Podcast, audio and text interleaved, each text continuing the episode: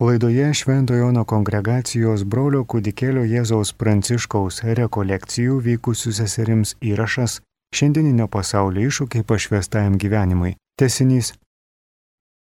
Pirmiausia, atsimenam, kad adoracija turi dvi prasmes - liturginę. Tai yra laikas, liturginis laikas prie išstatyto švenčiausiojo.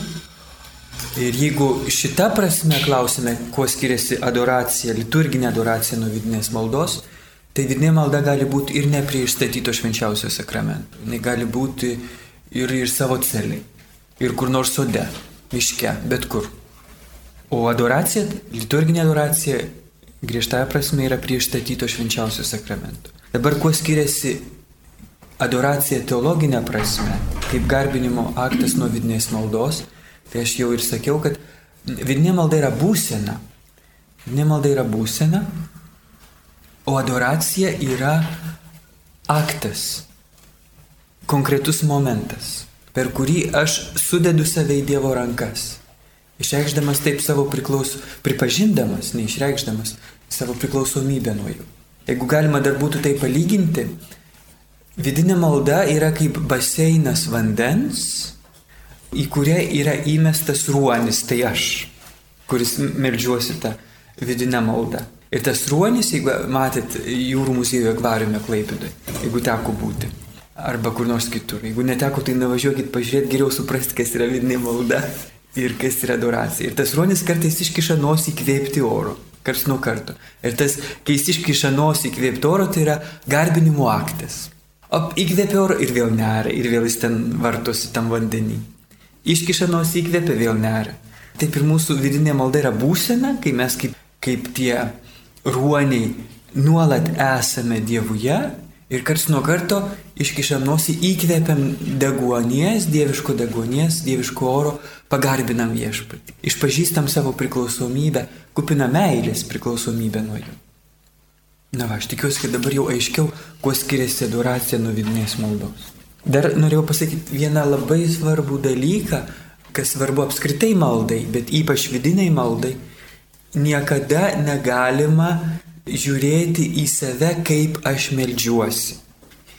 Reikia žiūrėti į Jėzų, net jeigu jo ir nesima, kaip kudikėlio Jozas Teresėlė kalba apie tą paukščiuką, kuris išplėtęs sakytę žiūri į Saulę, nors Saulė yra uždengta debesų, bet jis žino tas paukščiukas, kad už debesų Saulė vis tiek yra. Taip ir mes maldoje galime nematyti tos Saulės, nes pilna ne tik debesų, bet ir rūko, kad per metrą nieko nesimato gal net ir audros, ir vėjų, ir žaibų, ir ko tik nori, tik nesaulės. Bet mes turim nuolat vis tiek akis išplėtę žiūrėti anapus tų debesų, audrų, tikėjimu, tikėjimu žiūrėti į Jėzų, į mūsų, į mūsų saulę, teisybės saulę, kaip jį vadina šventasis raštas. Žiūrėti į jį, bet ne į save. Ir gink Dievę net nečiupinėti savo pulso, kaip aš čia dabar jaučiuosi per tą, per tą maldą. Nes aš tikrai turiu išeiti iš savęs, tai, tai yra ekstazė. Ekstasis graikiškai yra stovėjimas už savęs. Ir tada ne, nežiūrėti save. Nes kitaip kas atsitinka, kai žiūriu į save vidiniai maldoj, ar apskritai maldoj, yra tas pat, kai aš žiūriu į save važiuojantį dviračiu. O kas atsitinka? Mes aišku nuvirstame. Ir gal net užsigauname. Kai važiuoji dviračiu, reikia žiūrėti į priekį, o ne, ne į šoną, pasižiūrėti, kaip aš važiuoju. Tada važiuosi. O jeigu pradėsi žiūrėti, kaip važiuoju, toli nenuvažiuosi. Su malda yra tas pat. Mes turim nežiūrėti, nežiūrėti ir ne, ne, nesirūpinti, kokia ta mūsų maldos kokybė. Kaip mes važiuojame. Ne, mes turime važiuoti, turime melstis. Tai yra labai labai svarbu. Nes kitaip, aišku, tada, tada, tada nuvirstame ir niekur nebevažiuojame ir pradedame verkti ant Jeruzalės griuvėsių. Nes užsigavom kelią ir nusibalnojom nosį. Ir kaip dabar aš toliau toks važiuosiu? Taip. Jeigu tuo rūpinamės, tai žinoma, paskui jau tada nebe. Tada baisu lipti vėl ant dviračių, vėl važiuoti. Dar kitą dalyką turiu pasakyti, kad visi tie metodai, kuriuos aš čia sakiau, yra tik tai priemonės ir jos nėra universalios. Vieniems labiau tinka, kitiems mažiau tinka, tretiems iš vis netinka.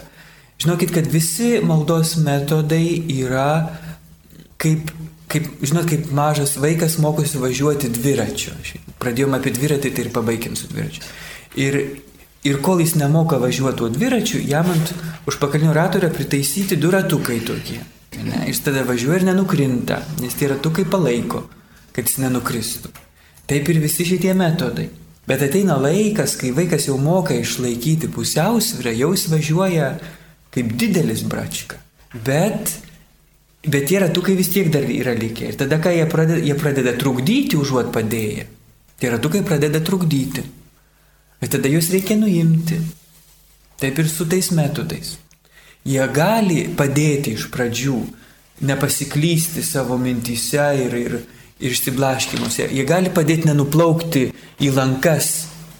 Bet iš pradžių, o paskui, paskui jau kai, kai jau jau šventosios dvasios vėlis pūsteli, tada reikia mest šalin visus tuos metodus ir leistis vedamiems šventosios dvasios, kai jis veda labai asmeniškai.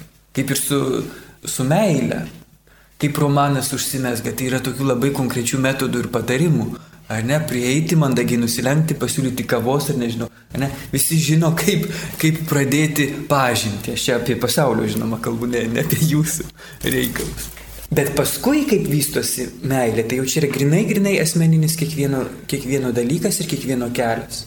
Ten jau jokių taisyklių nebepritaikysi. Reikia tiesiog jausti žmogų. Ir, ir žmogus turi būti pirmas.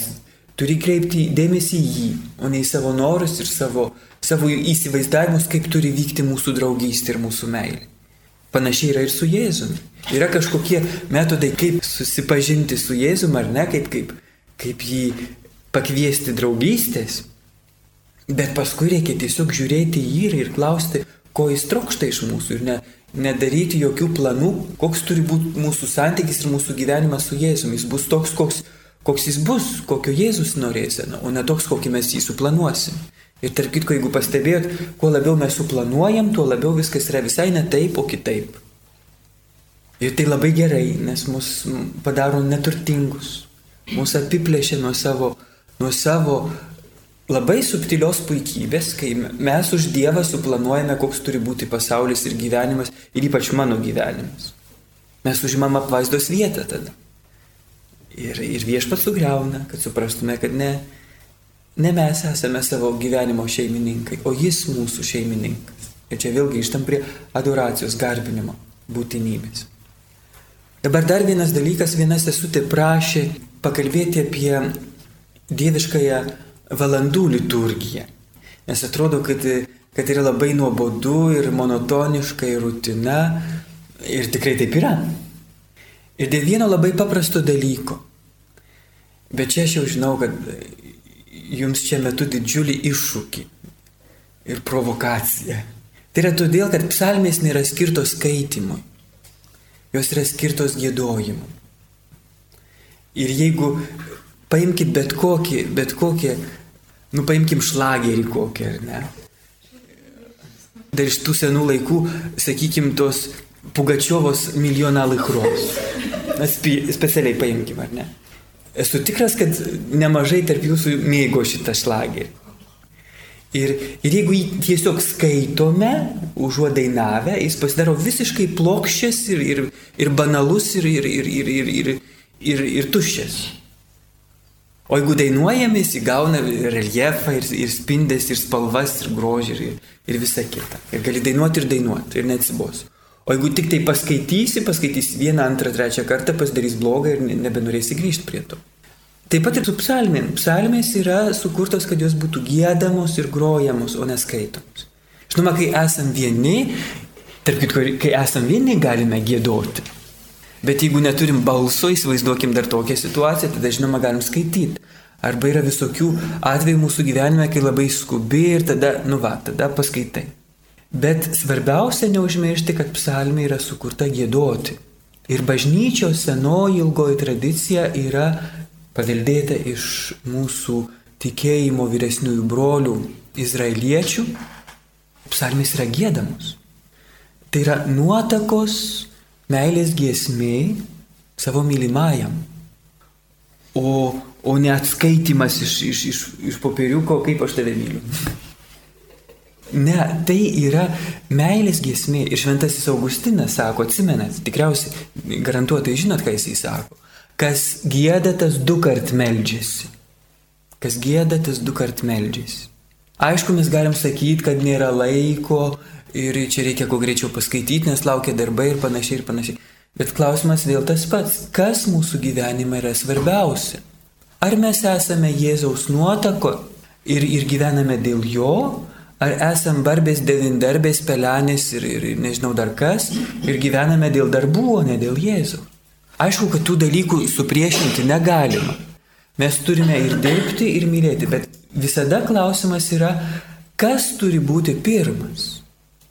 Visada turi būti tvarka mūsų, mūsų veikloje, mūsų žodžiuose, mūsų mintyse. Kažkas turi būti pirmas, tada viskas bus tvarkingai pagal tą pirmą sustatyta. Ir jeigu koks nors pirmas yra neteisingas, stovi blogoje vietoje, tada visa ta dėlionė, jinai kreiva šleiva ir, ir, ir, ir negera yra. Jeigu Dievas yra pirmoji vietoje, vadinasi, mes turim viską padaryti, kad jis iš tikrųjų būtų pirmoji vietoje mūsų gyvenime. Ir ypač per maldą ir liturgiją. Čia, čia tikrai mes turim labai labai puoselėti šitą bažnyčios nuotakos liturgiją, kitaip sakant, meilės gestus, švelnumo išreiškimą per liturgiją, nes mes jau truputėlį kalbėjome apie tai, kad sakramentai yra Jėzaus žmogystės buvimas čia ir dabar prailginimas jo žmogystės, jo žodžių ir jo gestų, jo sielos ir jo kūno prailginimas į čia, į dabar, į mūsų laiką ir į mūsų vietą. Ir vadinasi, šitą, šitą Jėzaus žmogystę, jo gestus, jo žodžius mes turim apsupti meilė švelnumu, taip kaip nuotaka priima mylimojo švelnumą ir meilę, jo, jo gestus ir jo žodžius, jo žvilgsnius. Štai kodėl taip svarbu, kad mūsų liturgija būtų išpuoselėta, kad ne nebūtų, nežinau kaip čia lietuviškai gražiau pasakyti, bilia kaip su, su, sukalta, su, sumauta, teplep tokia padaryti, ar ne? Ne, mes turim tikrai su visa širdim rūpintis liturgijai. Ir mūsų kunigėliai ir klebonai, kurie taip užimti su, su visu, deviniom galybėm visokio susilovadinių rūpeščių, jie kitą kartą gal ir nelabai turi laiko ir tuo labiau sugebėjimo pasirūpinti, kad liturgija būtų tikrai maldinga ir, ir, ir subtili ir graži, nes nu jie yra vyrai dar be to, neužmirškime. Retas vyras sugalvos pamerkti pamerkti gėlių ant stalo pastatyti. O reta moteris nepagalvos e, to padaryti. Ir čia yra papildymas vieni kitų. Ir, ir čia yra jūsų, jūsų sesutės, ypač tų, kurios darbuojasi parapijose, bažnyčiose, rūpestis. Taip pat ir, ir, ir dėl tos liturgijos. Ir, ir todėl aš dabar norėčiau labai praktiškai mesti tą iššūkį dėl, dėl brevijoriaus gėdojimų. Aš žinau, kad yra sunku gėdoti tas psalmes, nes tos melodijos yra ten labai įmantrios ir, ir labai ilgos ir dar kokios ten panašios ir taip toliau. Nežinau, ar čia yra e, jūsų aukštesnių ir vyresnių konferencijos narių, tarybos narių, ar gal net ir vadovų. Jeigu nėra, tai tikiuosi, kad iš čia esančių vyresnių bus kas perduoda e, va, va mano šitą iššūkį. Pabandykit iš kiekvienos kongregacijos paimti po vieną ar dvi delegatės, kokias sesutės, kur vargonuoja, kur yra baigusios muzikos mokyklą, ar tiesiog balsingos yra ir, ir, ir panašiai. Padarykite komisiją iš visų tų kongregacijų ir pabandykit sukurti, pritaikyti labai labai labai paprastus tonus visom tom salmėm, kurios yra toj raudonoj knygelė, kurią mes turime tai tikrai ne jūra išgerti. Tai nėra toks jau baisiai didelis darbas. Ir galim, ta komisija galėtų nuvažiuoti pas Benediktinus į Palendrius pasikonsultuoti. Gali paklausti Betlėjaus seserų patarimo dėl himnų ypač melodijų. Ar net ir kokių karmelyčių, nes man atrodo, jis irgi gėda. Kontemplatyvios seserys ir broliai paprastai visada gėda tą dieviškąją valandų liturgiją. Ir tikrai galima padaryti kažką labai labai paprasto ir, ir kas netrunka tris valandas ir, ir, ir kiekvienam suprantama. Ir paskui užtenka tik tai pliusiukus, minusiukus surašyti ant tos knygelės minusiukas, kur nusileidžia balsas, pliusiukas, kur pakyla, kad visi kartu keltume ir atleistume. Ne taip, kai kartais atsitinka, kad vienas žemyn, kitas aukštyn, kaip iš Krilovo pasakėčios, kur vežys gulbė ir ne, nežinau dar kas ten tempė vežimą į visas pusės. Ir čia tikrai, tikrai lab, nėra labai toks jau didelis dalykas padaryti. Aš manau, kad per metus tikrai galima padaryti. Ir, ir būtų labai puikiai proga va, va tokiam bendradarbiavimui, tarp, tarp kongregaciniam, ekumeniniam bendradarbiavimui. Ir, ir turėtume tada va, gėdamą, paprastą, visiems suprantamą, ne per sudėtingą, ne per ištemptą gėdojimo melodiją. Ir kurią tikrai galėtume gėdoti ne tik per rekolekcijas ir ne tik vieną psalmę, bet tikrai visą, visą e, oficiumą gėdoti. Ir, ir matytumėt, kaip, kaip tada šitos psalmės pasidaro visiškai nebenuobodžios ir, ne, ir, ir yra džiaugsmas ir poilsis netgi sielos melstis šitaip. Ir ypač ten, kur, kur jūs esate arti bažnyčios, jūs galite tikrai pasiūlyti klebonui, kad, na va, rytmetinė ir vakarinė galėtų būti gėdama bažnyčiui. Jis aišku pasakys, aš neturiu laiko, jūs žinokitės. Tai jeigu jis jau pasakys, jūs žinokitės, jūs labai apsidžiaukite, gausite raktą, atsirakinkite, užsidėkite žvakutes ir, ir gražiai gėdokite viešpačiui. Ir žinot, kas atsitiks? Žmonės pradės eiti, kartu su jumis gėdoti. Nes tai yra bažnyčios, bažnyčios malda. Ir tikrai yra žmonių, kurie nori kartu, kartu gėdoti. Kiek aš esu buvęs mūsų vienolynuose, tiek Prancūzijoje, tiek čia pas mus Lietuvoje, visada yra žmonių, kurie nori kartu gėdoti. Nors vienas du. Ir ateina šyrai ištikimai kiekvieną rytą. Yra žmonių, kuriems labai sunku su vidinė malda, bet kurie labai džiaugiasi galėdami gėdoti psalmes su mumis. Ir jeigu jūs galėtumėt va šitokią nenaujovę, anaip tol nenaujovę, bet seną, seną bažnyčios tradiciją sugražinti į jūsų parapijas, į jūsų bažnyčias, tai tikrai būtų labai puikus impulsas tam atsinaujinimui, gyvybei, maldos gyvybei sugražinti mūsų bažnyčias, kad tai nebūtų vien tik tai tų pareigų atlikinėjimas, nes jau kas ateis, kadangi mišios yra privalomos sekmadienį, nu va, o rytmetinė vakarinė niekam neprivaloma ir tada jau eis tikrai tik tie, kurie trokšta melstis. Žiūrėkit, susidarys labai gražus burelis, su kuriais jūs galėsite su tai žmonėmis melstis viešpačiu, gėdoti serenadas jam. Ir kitą kartą irgi gali būti problema, kad klausa ne visų vienoda ir balsai ne visų vienodi. Ar ne? Tai gali labai padėti, ar ne, su vargonais palaikyti. Ne? Tai nereiškia, kad reikia jau ten kažkokį bachą groti, tokatas ir fugas.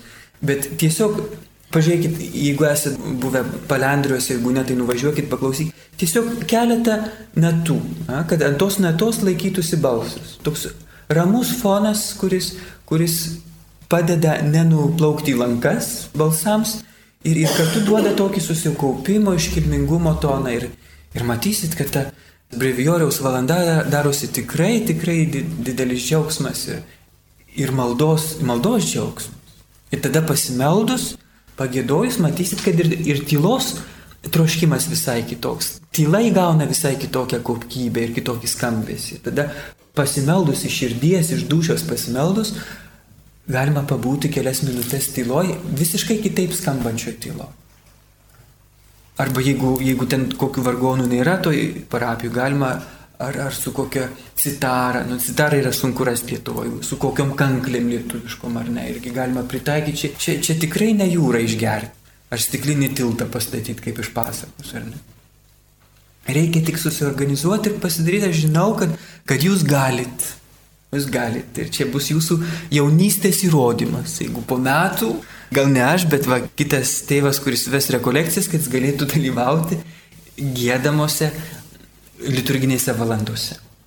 Ir net jeigu ir nėra kur netoli jūsų tos parapijos bažnytėlės, kad ir savo namuose, ar net tam vienuolynę, galima kažkokį tai mažyti, būna vaikiškas grinai, elektrinis toks kaip pianinas. Ir, ir jau su juo galima kažkaip taip pagražinti tą mūsų su maldą arba su tom kanklėm. Ir matysit, kad iš tos rutinos ir monotonijos darosi tikrai traukos centras ir jūs su džiaugsmu eisite į, į maldą, o ne, o ne kojas vilkdamos ar stengdamosis išsisukti, kaip nors rasti kokį nors svarbų būdą, kad tik nereiktų eiti ant psalmių skaityti. Nes jos yra sukurtos neskaitimui, o gėdojimui. Va, tai jeigu jūs galėtumėt gražinti šitą, šitą gražią seną tradiciją į mūsų bažnyčias, tai, tai viešpas tikrai jums atsidėkotų šimteriopai, aš, aš jo vardu jums pažadu. Nes, nes tai tikrai patrauktų ir, ir Dievo tautą melstis, melstis dovanai ir melstis gėdant, gėdant viešpačiai meilės giesmės. Ir taip pat iš vis, kaip aš, aš sakiau, liturgija, jinai nėra kažkokia sunki prievolė, dėl kurios drebi, kaip čia, kaip čia nesuklydus. Ne tai svarbiausia. Galima ir suklysti, tik reikia suklysti iškilmingai ir ramiai. Na, ir tada niekas ne, net ir nesusigaudys, kad čia kažkas negerai buvo. Bet labai svarbu, kad, kad mes irgi nemi, neminimalizuotume liturgijos, kiek nuo mūsų priklauso, žinoma. Mes vietoj klebono neatsistosim ir nepareguliuosim parapijos liturgijos. Bet kiek yra mūsų liturgijos, mūsų bendruomenės liturgija, tai tikrai, man atrodo, galima, galima to meilės išradingumo įnešti, kad, kad nu va, ir, ir, ir žvakelę užsidegti, kai, kai kartu melžiamės. Ir, Ir kai šventė, pavyzdžiui, smilkalo grūdelį užmest ant anglies, kad pakviptų namai ir, ir viešpaties angelui kažkokį varpelį įsitaisyti. Ne. Suprantu, kad kokį varpą, tokį kaip pas Benediktinus, yra sunku gauti. Bet kokį mažą varpelį, ne, su kuriuo pas, paskambinti viešpaties angelą po pagėdojus liturginės valandas. Ir, ir tikrai matysit, kaip jūsų gyvenimas gauna naujos kokybės, jis gauna to, to iškilmingo paprastumo ir, ir rimtumo, vienuoliško iš paprastumo ir rimtumo, kas buvo visais amžiais bažnyčioje. Tik ši, šiais laikais dėl persekiojimų visų sovietinių ir paskui dėl, dėl antro Vatikano susirinkimo neteisingai suprasto įgyvendinimo perlenkimų, tas mūsų liturginis gyvenimas, nu, nu, jis pasidarė toks apipešiotas ir, ir, ir visoks, nu, nu jau toks nudrenktas, tiesiog gaila žiūrėti. Reikia tikrai tik tai susijimti ir, ir, ir pasiraitot rankovės. Nebūtina, sakau, kažkokių ten baisiausiai iškilmingų dalykų daryti. Nebusim visi kaip benediktinai. Bet labai paprastus dalykus, tokius akcentus tiesiog sudėti ir, ir matysim, kaip mūsų, mūsų gyvenimas įgauna to tikro vienuoliško iškilmingumo, rimtumo, gelmės ir grožio. Tai va, jau aš mečiau tą iššūkį, dabar jau jūs žinokite su juo. Jeigu norite tikrai nemonotoniškai ir nuobodžiai skaityti psalmės, bet, bet melstis visą širdim ir kūnu ir sielą, tai aš jums parodžiau kelią.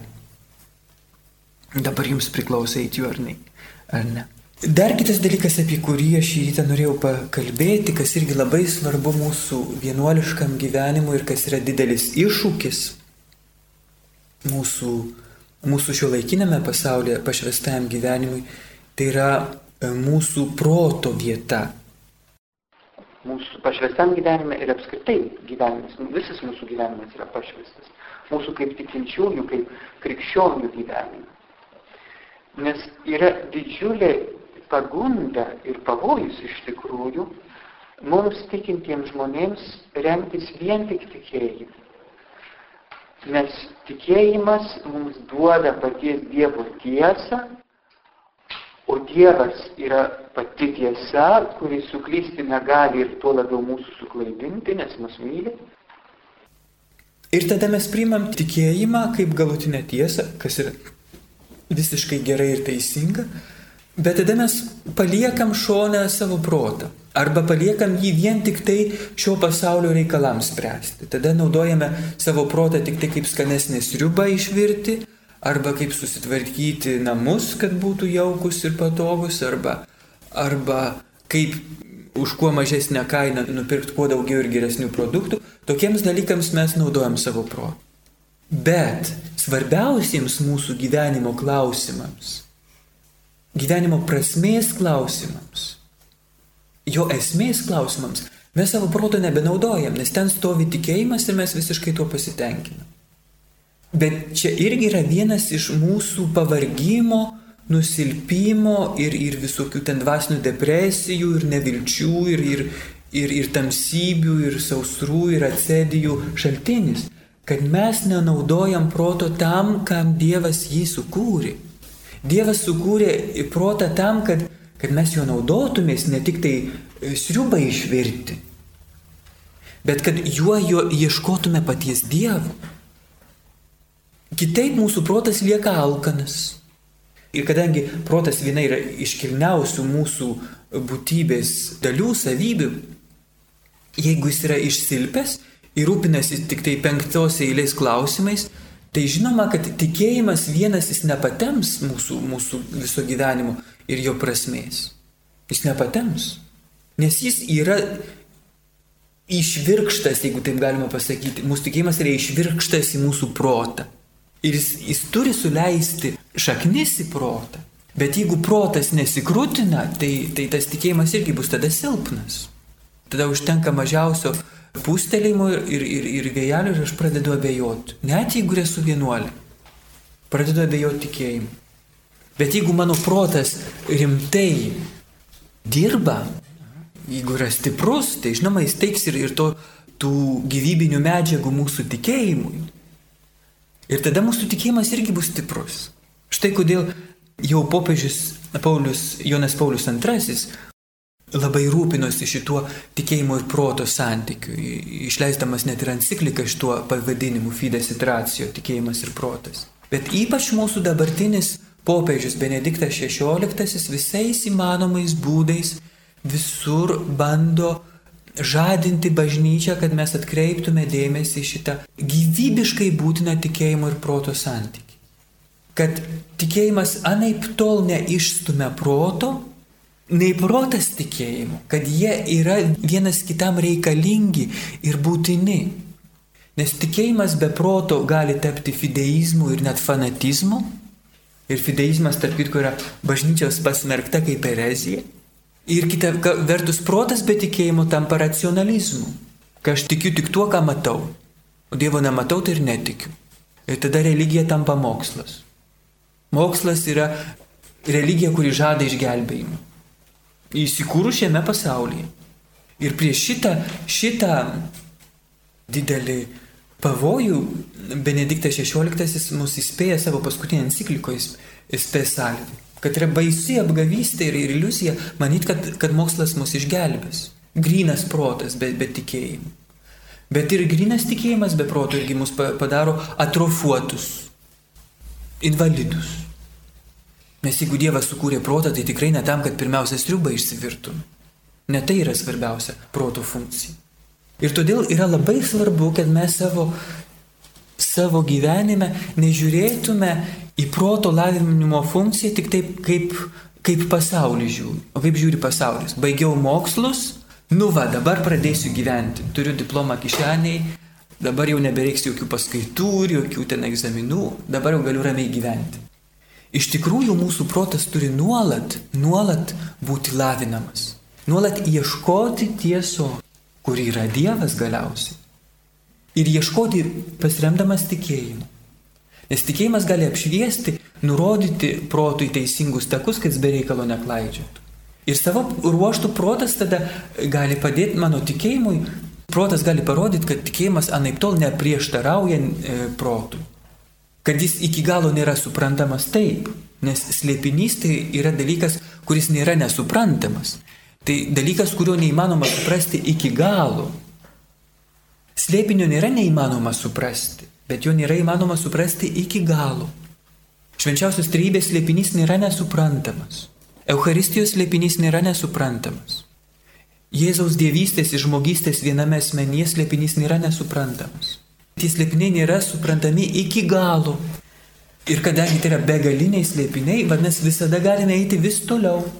Ir kuo toliau eini, tuo labiau stebiesi, koks yra grožis ir nu, koks nuostabus tas mūsų tikėjimas.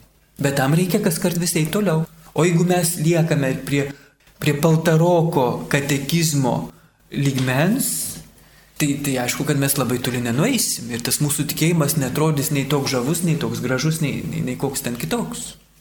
Ir tada ypač jeigu užsirausim ant kokio nors ateisto bedievio, kuris išsilavinęs ir, ir savo pusę išsitreniravęs, nu tada ir liksime kaip karvės ant ledo. Ir, ir ne tik, kad žmogui ne, neparodysime kelių į Dievą, bet ir patys galime tada jį prarasti.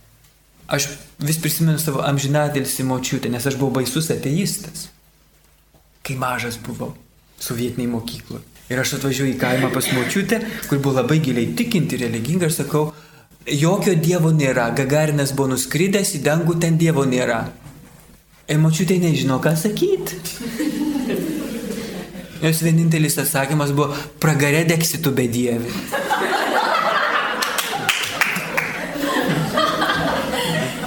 Na. Bet kadangi, man, bet kadangi man Gagarinas pasakė, kad Dievo nėra, o jeigu Dievo nėra, tai pragaro nėra, tai aš nebijau ir įdegtam pragarę tada. Hmm. Matot, kaip svarbu, kad mūsų tikėjimas būtų protingas. Ir tada mes turim lavinti savo protą. Ir lavinti protą ne taip atsisėdus kaip, kaip koks jogas rytų ir, ir medituodamas ir mąstydamas, išmastydamas kažkokius super argumentus atremti tokiem kvailiem argumentam apie Gagariną, bet reikia tiesiog semtis iš bažnyčios lobyno. Tai, ką mes žinom apie mūsų tikėjimą, yra taip mažai, tai yra tik tai paviršių paviršius. O yra tokie lobiai, bažnyčios tėvų lobiai, šventųjų, ypač senųjų, ar ne šventųjų Reniejaus, šventųjų Jono Chryzostomo, šventųjų Kapadokijos tėvų, Grigaliaus šventų Antanų galų gale gyvenimas. Ir daugybė šventų ir, ir, ir, ir, ir naujesnių. Viduramžių, sakykime, to Mokviniečio Bonaventūra yra nepaprastai gražus, nepaprastai ir suprantamas, ten nekažikas ne, ne yra. Ir to Mokviniečio, ir mes įsivaizduojam, kad Tomas Akvinietis tai čia yra super dideliems protams. Bet jeigu, jeigu kada nors paimtumėt ne tą devintą vandenį nuo kisėliaus, ką žmonės šneka apie Akvinietį, bet atsiverstumėt ir paskaitytumėt pačius, matytumėt, kad tai yra neįtikėtinai paprasta ir skaidru ir, ir, ir suprantama. Ne viskas, ne viskas, bet yra dalykų, kurie labai paprasti ir, ir aišku supranta. Apie maldą yra tokių gražių dalykų. Iš tos maldos, kurias gėdame prie švenčiausio sakramento, prieš taip didį sakramentą arba o dieviškoji ostija, jūs žinot, kad tai Tomo Akviniečio darbas. Šito ne, nesuvokiamo ir nesuprantamo teologo. Ir žiūrėkit, kokie gražų žodžiai, kokie, kokios gilios tos mintis. Ir jeigu atsiverstumėt sumą teologiją, tą baisiai storą knygą, prologą, tai prologė parašyta, kad šita knyga yra pradedantiems, mokiniams. Ir kadangi teologijai tikėjime mes, kol esame šioje žemėje, visi esame pradedantys, tai mes turim visada, visada, visada ieškoti, giliau, geriau suprasti Dievo, dievo slėpinius. Ir aišku, kad gal nuo senųjų bažnyčios tėvų mums sunku bus pradėti, nes senovinė kalba ir, ir jau visai kita kultūra, ten žmonės, žmonės Augustino laikais, Hipono mieste, kai eidavo pirkti silkių, tai ten parduotuviai užsidiskutuodavo apie tai, ką vyskupas Augustinas sakė per paskutinį pamokslą. Šiais laikais žmonės visai apie ką kitą diskutuoja. Jeigu iš vis dar diskutuoja, maksimui nuėję ką nors pirkti visa kultūra buvo persmelkta šito ieškojimo, protingo ieškojimo. Ir, ir šiais laikais to, to yra likę baisiai mažai. Ir tada irgi yra nauja šizofrenija, kad tikėjimas eina savo keliu, protas savo keliu. Ir, ir, ir tokių neįtikėtinų dalykų yra, kur mokslininkai, žmonės protingi, su doktoratais, išsilavinę, tiki tikrai nuostabių vaiko tikėjimu, tikrai nuostabių tyrų gražių tikėjimu, Bet, bet kai pradedi kalbėti iš proto pusės, į savo protų pasako, kad yra absoliučiai neįmanomi dalykai, kad Dievas galėjo sukurti pasaulį ir sukurti žmogų ir panašiai ir panašiai. Ir jam tas visiškai neprieštarauja su to jo tyru vaikišku tikėjimu. Ar du pasauliai - šizofrenija. Bet taip nėra, sako popiežius Benediktas XVI. Tikėjimas ir protas vienas kitą papildo. Jie neprieštarauja vienas kitam. Tik reikia mokėti, na va, teisingai aiškinti tikėjimą. Protas turi savo vaidmenį, jis turi, turi padėti tikėjimui ir tikėjimas turi apšviesti protą abipusiškai. Ir todėl yra labai svarbu, čia aš metu vėl kitą iššūkį, sesutės, ne, ne vien tik tai to nuolatinio ugdymo sesijos susitikimai, kuriuos aš žinau jūs turite. Tai yra labai gerai, tą reikia daryti. Bet nuo vienos sesijos iki kitos jokių atostogų. Mes turim kasdien nors po puslapį perskaityti, ką nors pamaitinti savo protui. Ne tik tikėjimui, bet ir protui. Protingam mūsų tikėjimo supratimui. Aš galiu iš karto jums duoti gerų patarimų, ką skaityti. Iš karto po šitos, po šitų rekolekcijų. Paimkite popiežiaus Benedikto XVI knygą, dar, jinai buvo parašyta dar tada, kai jis buvo kardinolas Ratzingeris. Jo knyga Žemės druska, neišversta į lietuvių kalbą. Ten yra labai paprasti ir, ir aiškus ir klausimai, ir atsakymai, kurie būtent parodo, kaip tikėjimas ir protas neprieštarauja viena, vieni kitiem. Ir žiūrėkit, čia tikrai ne, ne kažkas, kasdien po puslapėlį perskaityti. Tik po puslapį, čia minimumas. Jeigu noris irgi daugiau ir galite daugiau skaityti, daugiau, žinoma. Žinoma. Bet būtinai mūsų dienoje turi būti bent keletas minučių va, tos mūsų gyvenimo galutinės tiesos prasmės ieškojimą. Ir tada prie stalo su sesutėm galima apie tai ir padiskutuoti, o ne apie tai, kad daržas žolė mužėjęs ir dabar reikia nuravėti. Nu, ir apie tai irgi reikia kalbėti, bet kai kalbama vien tik apie tai, nu, tada, tada mes nori, nenori vis tiek grįžtam į tą šizofreniją. Dievas savo, o aš savo, mano gyvenimas, žemiškas gyvenimas savo, Tikėjimo gyvenimas tada tik koplyčių ir bažnyčių. Bet reikia, kad mes taip kaip, kaip Hipono krikščionys eidami silkių pirkti diskutuodavo apie vyskupo paskutinį pamokslą, reikia, kad ir mes susitikusios diskutuotume apie paskutinį perskaitytą gabaliuką. Ir tokiu būdu matysit, kaip, kaip iš tikrųjų kyla džiaugsmas tikėti. Ir tikėjimas atrodo nebe kaip tamsybės, bet kaip šviesa, ne kaip ne kaip svoris prislėgęs mūsų pečius, bet kaip, kaip sparnai pakilti aukštyn. Tai yra tikrai mūsų proto deguonis. Ir reikia jam duoti to deguonį, nedusinti. Nedusinti mūsų proto. Tikėjimas turi būti protingas. Ir tada, kai, kai į protą, į gyvą maistingą, gyvybingą protą suleidęs šaknis tikėjimas neš vilties žiedų, pražys vilties žiedais, tada jie paskui atneš ir meilės vaisių ir mūsų širdžiai.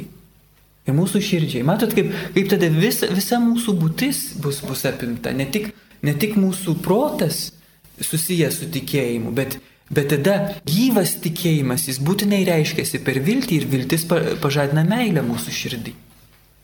Matot, tai nėra kažkoks pasirinktinas dalykas. Jeigu jūs norite mylėti Jėzų, neužtenka vien tik tai vidinės maldos, neužtenka vien tik tai šventojo rašto skaitimų, neužtenka vien tik tai adoracijos, garbinimo aktų per visą dieną. Reikia dar taip pat ir šito proto ieškojimo, Jėzaus ieškojimo savo protu. Apšviestų tikėjimo taip, bet protu, o ne vien tik tikėjimu. Ir matysite, kaip, kaip, kaip grįžta džiaugsmas būti Jėzaus ir gyventi su juo.